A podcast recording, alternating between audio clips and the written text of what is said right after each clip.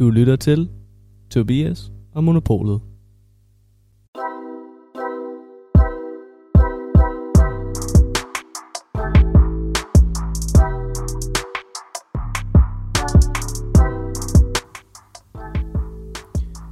Hej og velkommen til dagens episode af Tobias og Monopolet.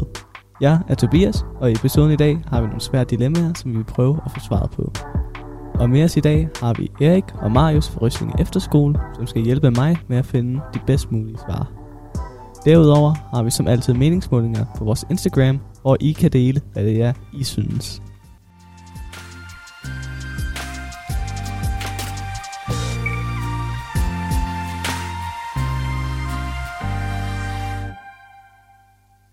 Hej Erik, og tusind tak for, at du gerne vil hjælpe os her i dag. Mange tak. Det er en stor ære at være med. Det er vi meget glade for at høre. Og stort velkommen til dig, Marius. Vi har glædet os rigtig meget til at have jer begge to med. Fornøjelsen er fuld på min side. Nå, men øh, skal vi begynde at tage det første dilemma? Det synes jeg da, vi skal. Let's go. Her har vi det første dilemma.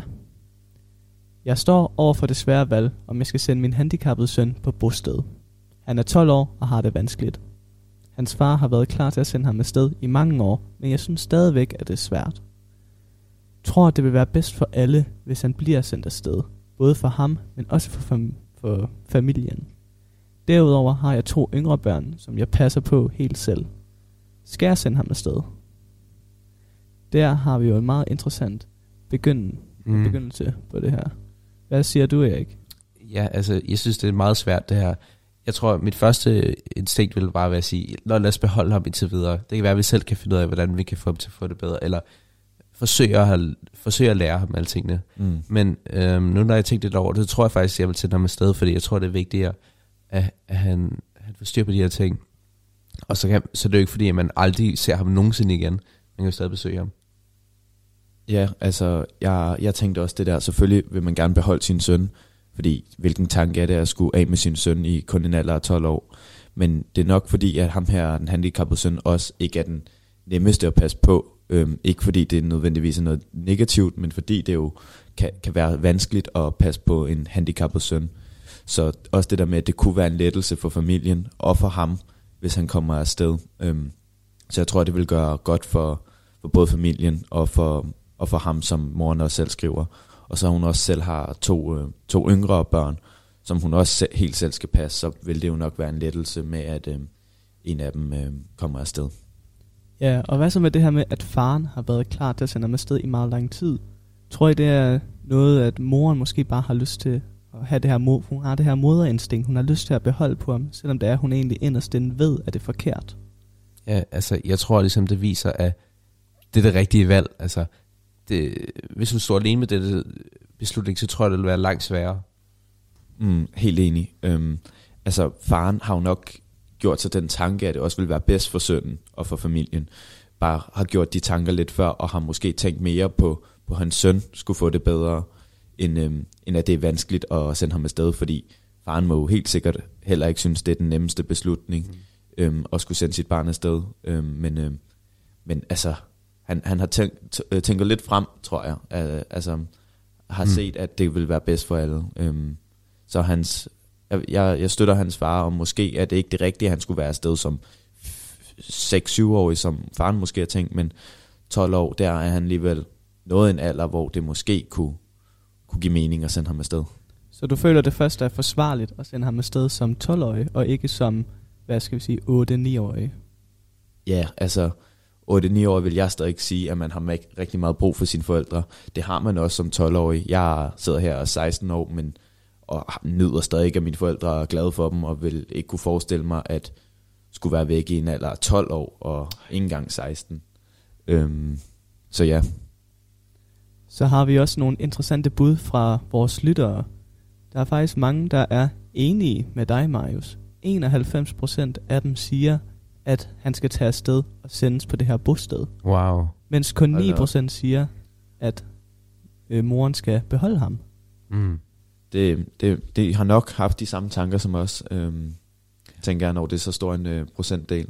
91 procent. Øhm, ja, altså, jeg er jo meget enig. Øhm, Mm. med, med lytterne. Det er spændende at se, hvad det er 9%. Hvad deres holdning er, altså mm. hvor deres argumenter for det er. Ja, ja, hvorfor, ja, hvorfor skal de beholde, Mm. skal hun beholde ham? Altså, fordi der er en kærlighed, Ja. men, men de mener jo så åbenbart, at den er større end måske både familiens og hans behov. Ja, vi er vel. Ja, jeg tror, hvis alle kan se, at det nok er vigtigst for, at barnet har det godt, i stedet for, at moren har det godt med at have med nu. Og hun Mm. kommer nok også til, i løbet af lidt længere tid, til at få det bedre, nu hvor at hun ved, at han er et bedre sted og bliver behandlet, som det er, han skal. Mm. Så den, ja, nok begyndelsen kommer til at være rigtig svær, kunne jeg også godt forestille mig. Men igen, det, det bliver nok mere almindeligt, og som jeg tror, en af jer nævnte tidligere, så, så det er jo ikke, fordi han ikke, at hun ikke kan se ham. Øhm, det bliver bare ikke Mm. mm. hjemmet hver dag. Mm. Det er rigtigt nok. Tror vi, vi er blevet enige på det her dilemma? Så altså, send ham afsted, det vil, øh, det vil jeg sige, men Ja. ikke. Og jeg Final answer. final answer, send ham afsted. Øhm, så vi, øh, vi deler holdningerne med, med de 91% andre. Ja, Monopolet siger som råd til lytteren her, send ham afsted til bostedet. Det er bedst for ham og jer som familie.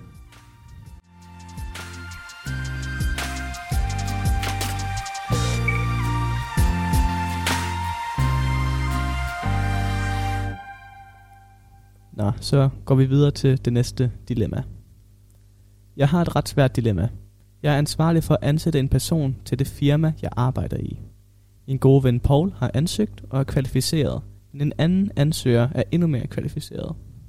Jeg vil rigtig gerne give jobbet til min gode ven, men jeg vil føle mig skyldig, hvis jeg gør, da jeg ikke burde være upartisk. Så hvad skal jeg gøre? Hjælp min ven, eller få den mest kvalificerede? Puh, ja. Ja, det, det er ikke et nemt en, vil jeg sige. Ja, det er vel egentlig et svar om at enten så skal man ansætte sin gode ven, eller øh, skal man jo få ham, der faktisk vil hjælpe en mest. Så det er, om man kan tillade sig, at venskab går ind under arbejdslivet. Mm. Øhm, det, jeg, jeg kan faktisk synes lidt at dem begge, både ansæt ven, men også den mest kvalificerede.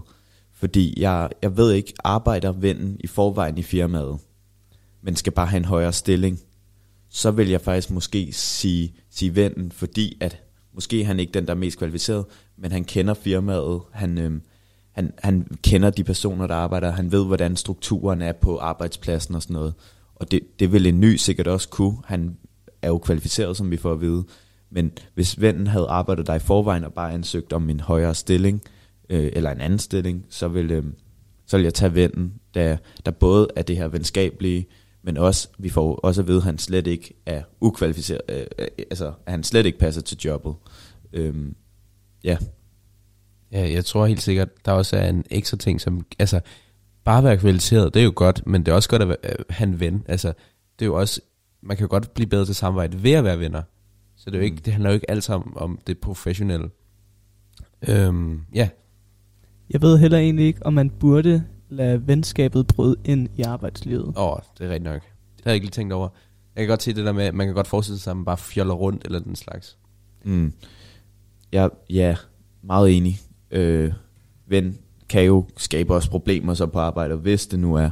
Men altså, de, de voksne mennesker, det, det, Ja, okay. det ville måske være lidt sværere, hvis det var også 16-årige, der bare Mm. rendte rundt og arbejdede med vores, øh, med vores bedste venner.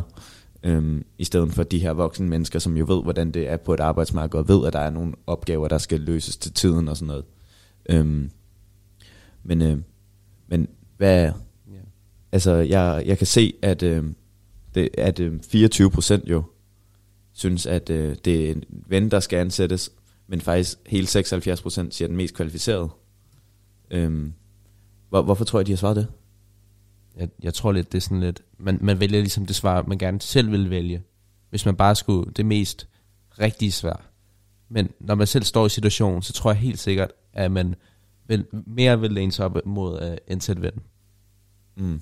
Ja, men det er jo lidt ligesom det samme, man siger. Man skal ikke have kærlighedsforhold under arbejdslivet. Det kan hvis man det kan vist sættes lidt ind i samme, øh, samme boks, det her med at ansætte sin ven. Det vil jo egentlig ikke passe super godt at have sin ven med, og det er nok det, som øh, lytterne de har tænkt over, da det var, at de svarede på det her. Ja. Det er nok egentlig bedst at ansætte øh, den mest produktive og mest kvalificerede til arbejdet, i stedet for vennen, bare fordi, at han er din gode ven. Mm. Meget enig. Jeg, jeg tror dog, det er lidt svært, når man kommer selv til stykket. Jeg synes tit, at man kan tage det bedste svar for en selv. Mm. Men sidste enden, Ja, det, Ja. det er måske nemmere at kigge på det udefra. Ja. Altså Ja. for os, der tænker selvfølgelig den mest kvalificerede til et job, men det må heller ikke være særlig rart for ham, der skal ansætte og Nej. vælge sin ven fra. Altså, det må virkelig ikke være en særlig rar oplevelse sådan at sige, nej, vi har faktisk en, der er bedre til det her job end dig. Det, det må være svært. Men Marius, har du styr på, hvem det er, hvilken en det er, du ville vælge, hvis du var i den her situation? Jamen, altså, som I måske kan høre, så er jeg, er, jeg faktisk lidt hen ved at ansætte en ven. Nå, Øhm, fordi at der både får at vide, at han er kvalificeret, men så også, at han er en god ven, så hvis det bare kan spille sammen, altså man kan have en god ven på arbejdspladsen, øhm, samtidig med, at han godt kan finde ud af jobbet, regner man med, når man får at vide, at han er kvalificeret.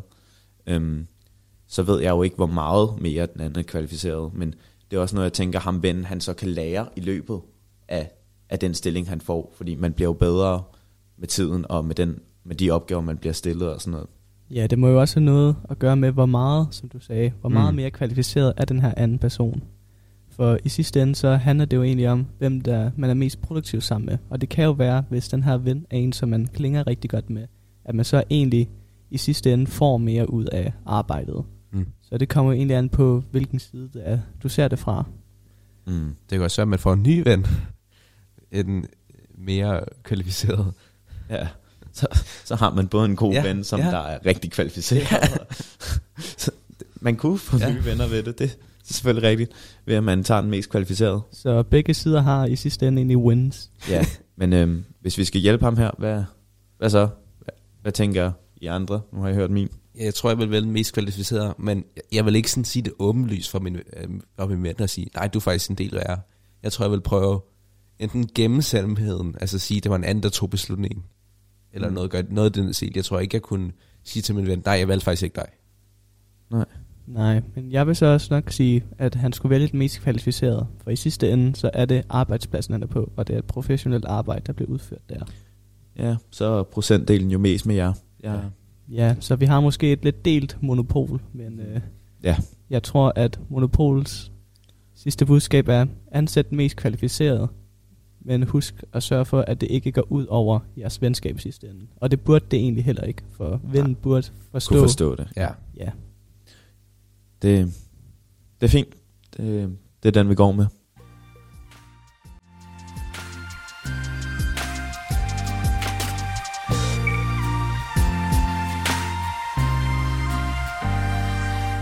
Nå, men det lyder som om, vi er blevet i hvert fald halvt enige der, så lad os køre videre til det næste. Hej. Min morfar er meget dårlig derhjemme, og vi er ikke sikre på, at han vil klare den. Jeg elsker ham meget højt, og det er derfor også meget svært. Han har en hjernesvulst og har derfor problemer med at snakke og kommunikere med andre. Derfor har jeg ikke rigtig snakket med ham de seneste år. Men sygdommen er blevet værre, og nu hvor jeg er på efterskole, ser jeg ham overhovedet ikke. Så skal jeg begynde at blive hjemme, så jeg kan se ham noget mere. Nu er han her jo ikke så meget i mit liv. Den er sværere. Ja. Ja. har vi jo en interessant en. Skal han blive hjemme for at kunne se hans øh, morfar noget mere, eller skal han blive på efterskolen, som jo egentlig er hans nye liv? Mm. Jeg tror, at jeg vil starte med at sige, at han skulle blive hjemme, fordi øh, det er meget, det synes som om, at bedstefaren er meget vigtig for personen, som jeg hører, altså elsker meget højt, ja. Og, og det er jo ikke fordi, som der står, det er en meget alvorlig tilstand, så jeg tror ikke, det tager hele efteråret, efterskoleåret, før han kommer tilbage igen.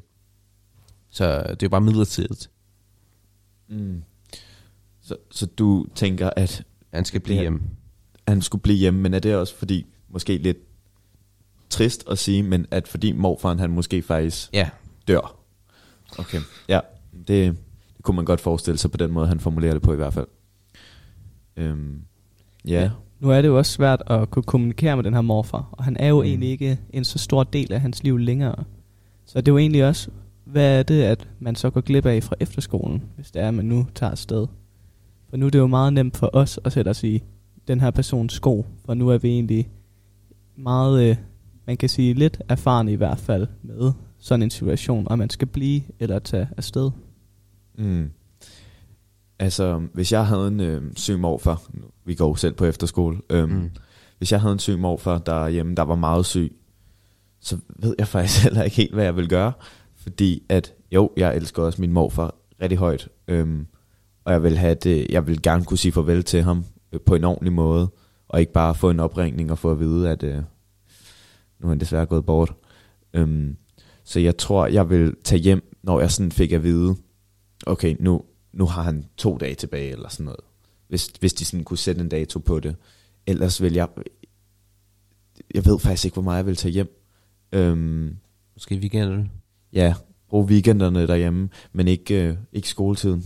Øhm, fordi jeg tænker også, efter skolelivet er, er, er en stor del Ja. af vores ungdom, og det er en stor beslutning i vores liv, og stort skridt og sådan noget.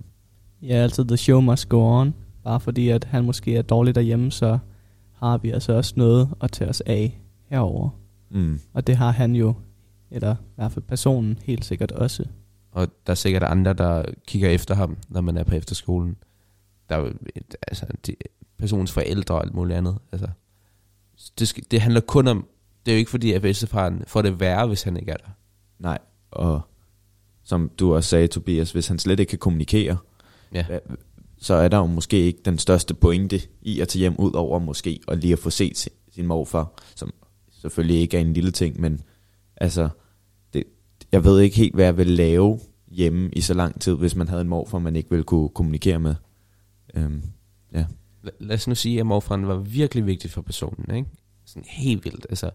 Ja, så vil jeg næsten sige, at man, at man kunne stoppe på efterskolen, og så i stedet for at begynde på en skole tæt på. Det er et meget ekstremt eksempel, men, men, men det kunne være en mulighed for personen, hvis personen virkelig godt kan lide morfar. Jeg vil nu sige egentlig bare tage nogle sygedage. Jeg ved ikke, om mm. man Mm. skal gå til sådan nogle ekstremer, og Okay. ligefrem slutte sit efterskoleophold. Nej, det, det, det er jeg enig i. Hvis det skulle gøres på nogen måde, så vil jeg også sige, at man tog hjem øh, i tog et par sygedage, eller tog et par dage hjemme for at være hos morfar. Øhm, Men så er det jo også interessant at se på, hvad lytterne de så har svaret. Oj, Og de er jo ja. egentlig ikke ligefrem enige i os. Den er også meget delt, men 64% siger, at personen skal tage hjem til den her morfar. Mens kun 36 siger, at han skal blive på efterskolen. øhm, ja, altså jeg kan godt forstå, hvorfor de 64 procent, de siger, at han øhm, burde tage hjem. Øhm, da det er jo en morfar, han har kær. Men stadigvæk læner jeg mere til de 36 øh, procent igen, det der undertal, med at han, han burde blive så meget som muligt, men stadigvæk måske faktisk tage hjem, så lave en kombi. Det er, Indimellem. ja, altså, men enten tager man jo hjem, eller også så bliver man.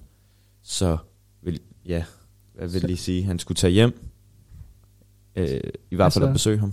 Vores svar, det var i hvert fald før, at det var sådan lidt en blanding. Mm. Det var det her med, at han skulle blive for efterskolen, men weekenderne skulle han tage hjem. Der er måske mulighed for, at han også bliver nogle weekender. Det kommer selvfølgelig an på, hvor dårlig den her øh, morfar har det. Mm. Så man skal jo egentlig bare se på, hvordan er det, det går, og så kan han så tage hjem i weekenderne, men mit bud vil så være, bliv i skolen, fordi det er samtidig også vigtigt, at du kører dit liv videre der. Mm. Og så tager man hjem, når det er rigtig akut. Ja, det, det er meget enig i. Så Ja. ja. prøv, prøv at blive så meget som muligt, men øh, Mm. i weekenderne kan man godt smutte hjem til, til morfaren.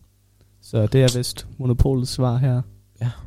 Sørg for at blive i skolen, stay in school kids, men samtidig sørg for at se ham i weekenderne, hvis det nu er, at det skulle være så slemt.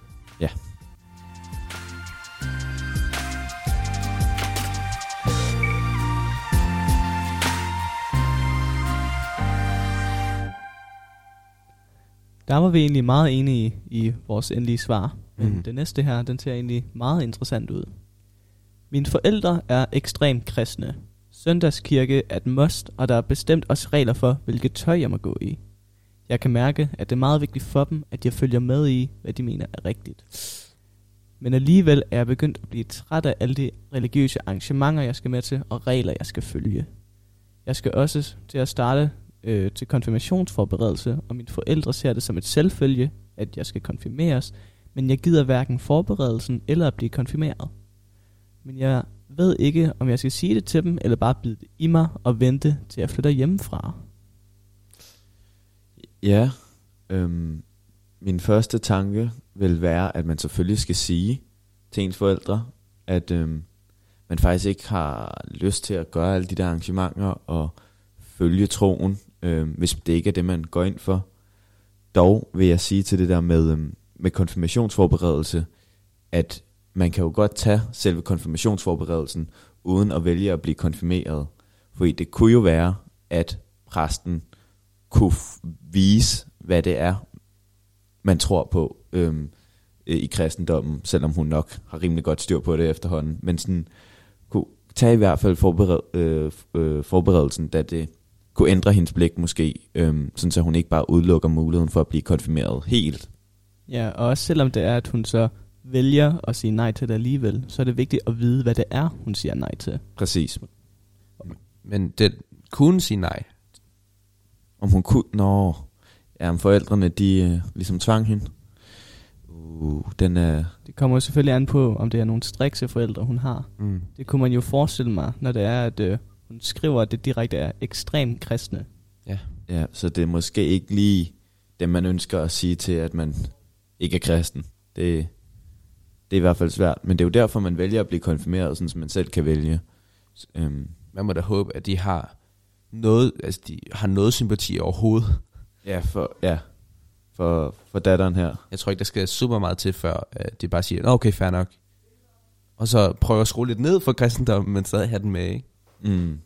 Altså, der er jo ingen, der siger, at forældrene ikke længere må følge deres øh, religion, altså kristendommen, øhm, men at hun kan selv vælge, om hun vil med i kirke, eller hvilket noget tøj hun skal gå i, fordi det, det er meget at bestemme over en, en 13, 14, 15-årig datter, Mm. der skal til at konfirmeres, øh, som der Eller godt kunne søn. tænke sig noget.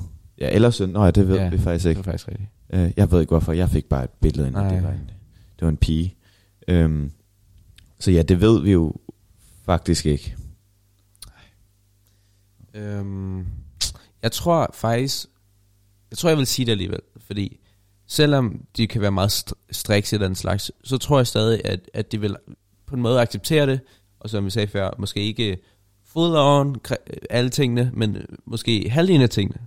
Altså, at være med i kirke, men så måske ikke blive konfirmeret, eller den slags ting. Mm, Ja, jeg, jeg kan godt se, hvad du mener, men hvis, hvis hun altså ikke ser nogen grund til at tage i kirke, fordi hun altså Mm. slet ikke tror på det, det så, så vil jeg næsten faktisk sige, at man skal, mor og far, jeg er ligesom jeg, jeg er altså ikke kristen ligesom jer. Jeg forstår ikke, hvad det er, I ser i kristendommen, øhm, og jeg vil gerne have lov til ikke at blive konfirmeret, øh, eller ikke at tage i søndagskirke, øhm, og alle de her regler. Ja, hun bor jo heller ikke i 1800-tallet. Nej. Så det er vigtigt at vide, at hun kan sige nej. Hun har den mulighed. Ja. Hun skal helst ikke lade den her religion blive til sit liv, nu hvor hun ikke engang tror på den. Det vil være en meget trist vej at gå i hvert fald. Mm. Altså, hvis, hvis hun venter, så er det jo ikke fordi, at det bliver en del af hende, men, men ja. Altså, hun, hun siger jo selv, at det her, om hun skal byde det, øh, om hun skal byde det i sig, indtil hun flytter hjemmefra. Så hvis hun simpelthen ikke kan se muligheden at skulle sige det her til hendes forældre, fordi de måske vil komme med en reaktion, der ikke er den rareste, og en, man gerne vil undgå, så kan man jo vælge at gøre det til, når man flytter hjemmefra. Men jeg synes slet ikke, det, man burde kunne sige det til ens forældre. Nej. Altså. Ja. Også, også det der med, at, at hvis de bestemmer, hvilket tøj hun skal på, at må gå med, det, det, er også, det, er også, det er rimelig hårdt for hende. mm, Ja, så vil jeg øh, nok også foretrække at gå den mere rebelske vej, og så fortælle det til sine forældre, at det Mm. faktisk er bedst for hende, hvis det er, at hun ikke er med på det kristne der. mm. Ja. Ja. Altså, men nu begynder jeg sådan at få scenarier af, hvad der kunne ske, hvis man går hen og siger det her til sine meget kristne forældre. Altså, jeg, jeg, hvordan kunne de reagere? Altså, det, jeg tror, hvis mine forældre, min, ja, de, de fik det her at vide, og var super troende, Mm. så, så vil jeg, så vil mine forældre give mig lov til at gøre, hvad jeg vil. Ved jeg med mine. Øhm, men vi kender jo ikke hendes forældre. Mm. Ja, Der, der er sikkert en grund til, at hun er bange for at sige det, eller overvejer ikke at sige det. mm. Så er det også meget spændende at se på lytternes svar. For her er der jo faktisk for en gang skyld mange, der er enige i os. 87 procent siger, at personen skal sige det direkte til sine forældre. Bare fortæl dem, at hun er ikke med på det her religiøse. Hun tror simpelthen ikke på det, og vil ikke være med til det her konfirmation. Mens det er, at 13% siger vente ved at sige det, til hun for eksempel flytter hjemmefra, eller ja, måske nogle år endnu, eller ja, i hvert fald efter konfirmationen. Mm.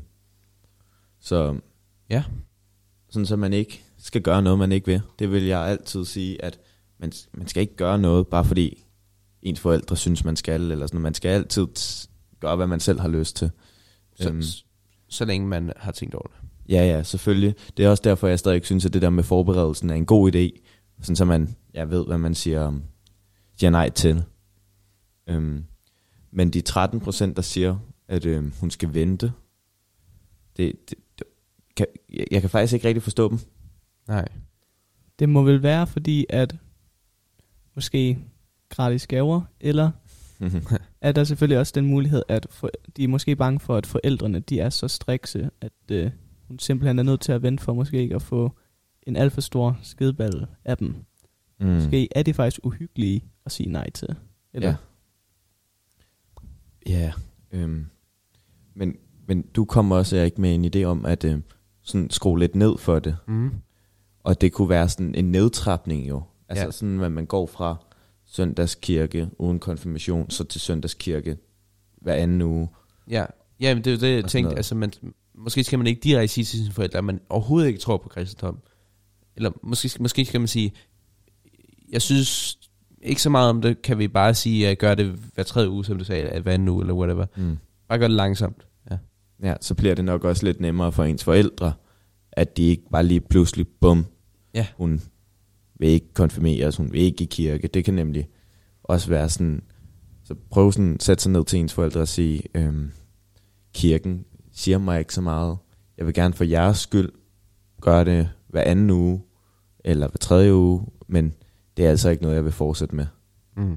Så vores egentlige svar, det må jo så være, hun skal starte den her nedtrapning, og så skal hun så i sidste ende så fortælle dem, at hun ikke er religiøs, og hun ikke har lyst til at blive konfirmeret. Mm. Men det, det med konfirmationen, det skal jo foregå snart. Øhm, med at sige, at hun faktisk sådan set ens forældre ved, jeg vil ikke konfirmeres. Ja. Det kan nok være ret bræt, men det er det, jeg tænker. Det skal de have at vide Mm. med det samme. Men samtidig skal hun med til konfirmationsforberedelsen, så det er, at hun forstår det i hvert fald noget bedre. Mm. Mm. Helt sikkert.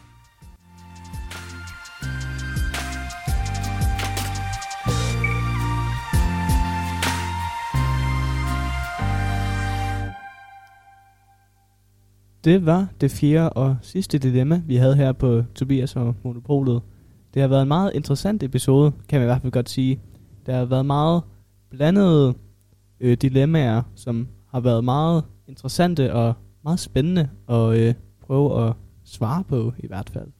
Helt sikkert. Ja. Det har ikke været nemt overhovedet. Det kan ingen af os rigtig sige. Er der noget, som I vil sige til de her øh, personer, som har været modige nok til at sætte deres dilemmaer ind, og ja, noget besked, som øh, I vil give dem på vejen? Ja, altså jeg vil da håbe, de har kunne bruge vores svar til noget, eller i hvert fald måske, at de her meningsmålinger har kunne hjælpe til sådan at se, hvad størstedelen vil gøre, så det kan jo også være hjælp, hjælp med at træffe en beslutning. Um, så jeg håber, de har kunne um, bruge vores svar. Mm. Det er jo altid godt at få en mening fra en tredje person, så ja. Mm. Ja, det er jo selvfølgelig vigtigt at også få svar på det her, så det, og vide, at øh, der er noget, og noget hjælp at hente herude. Mm. Men øh, jeg tror, det var det for denne gang. Husk at sende jeres dilemmaer ind til næste episode, og vi håber, at vi hører fra jeres lyttere igen en dag. Vi ses.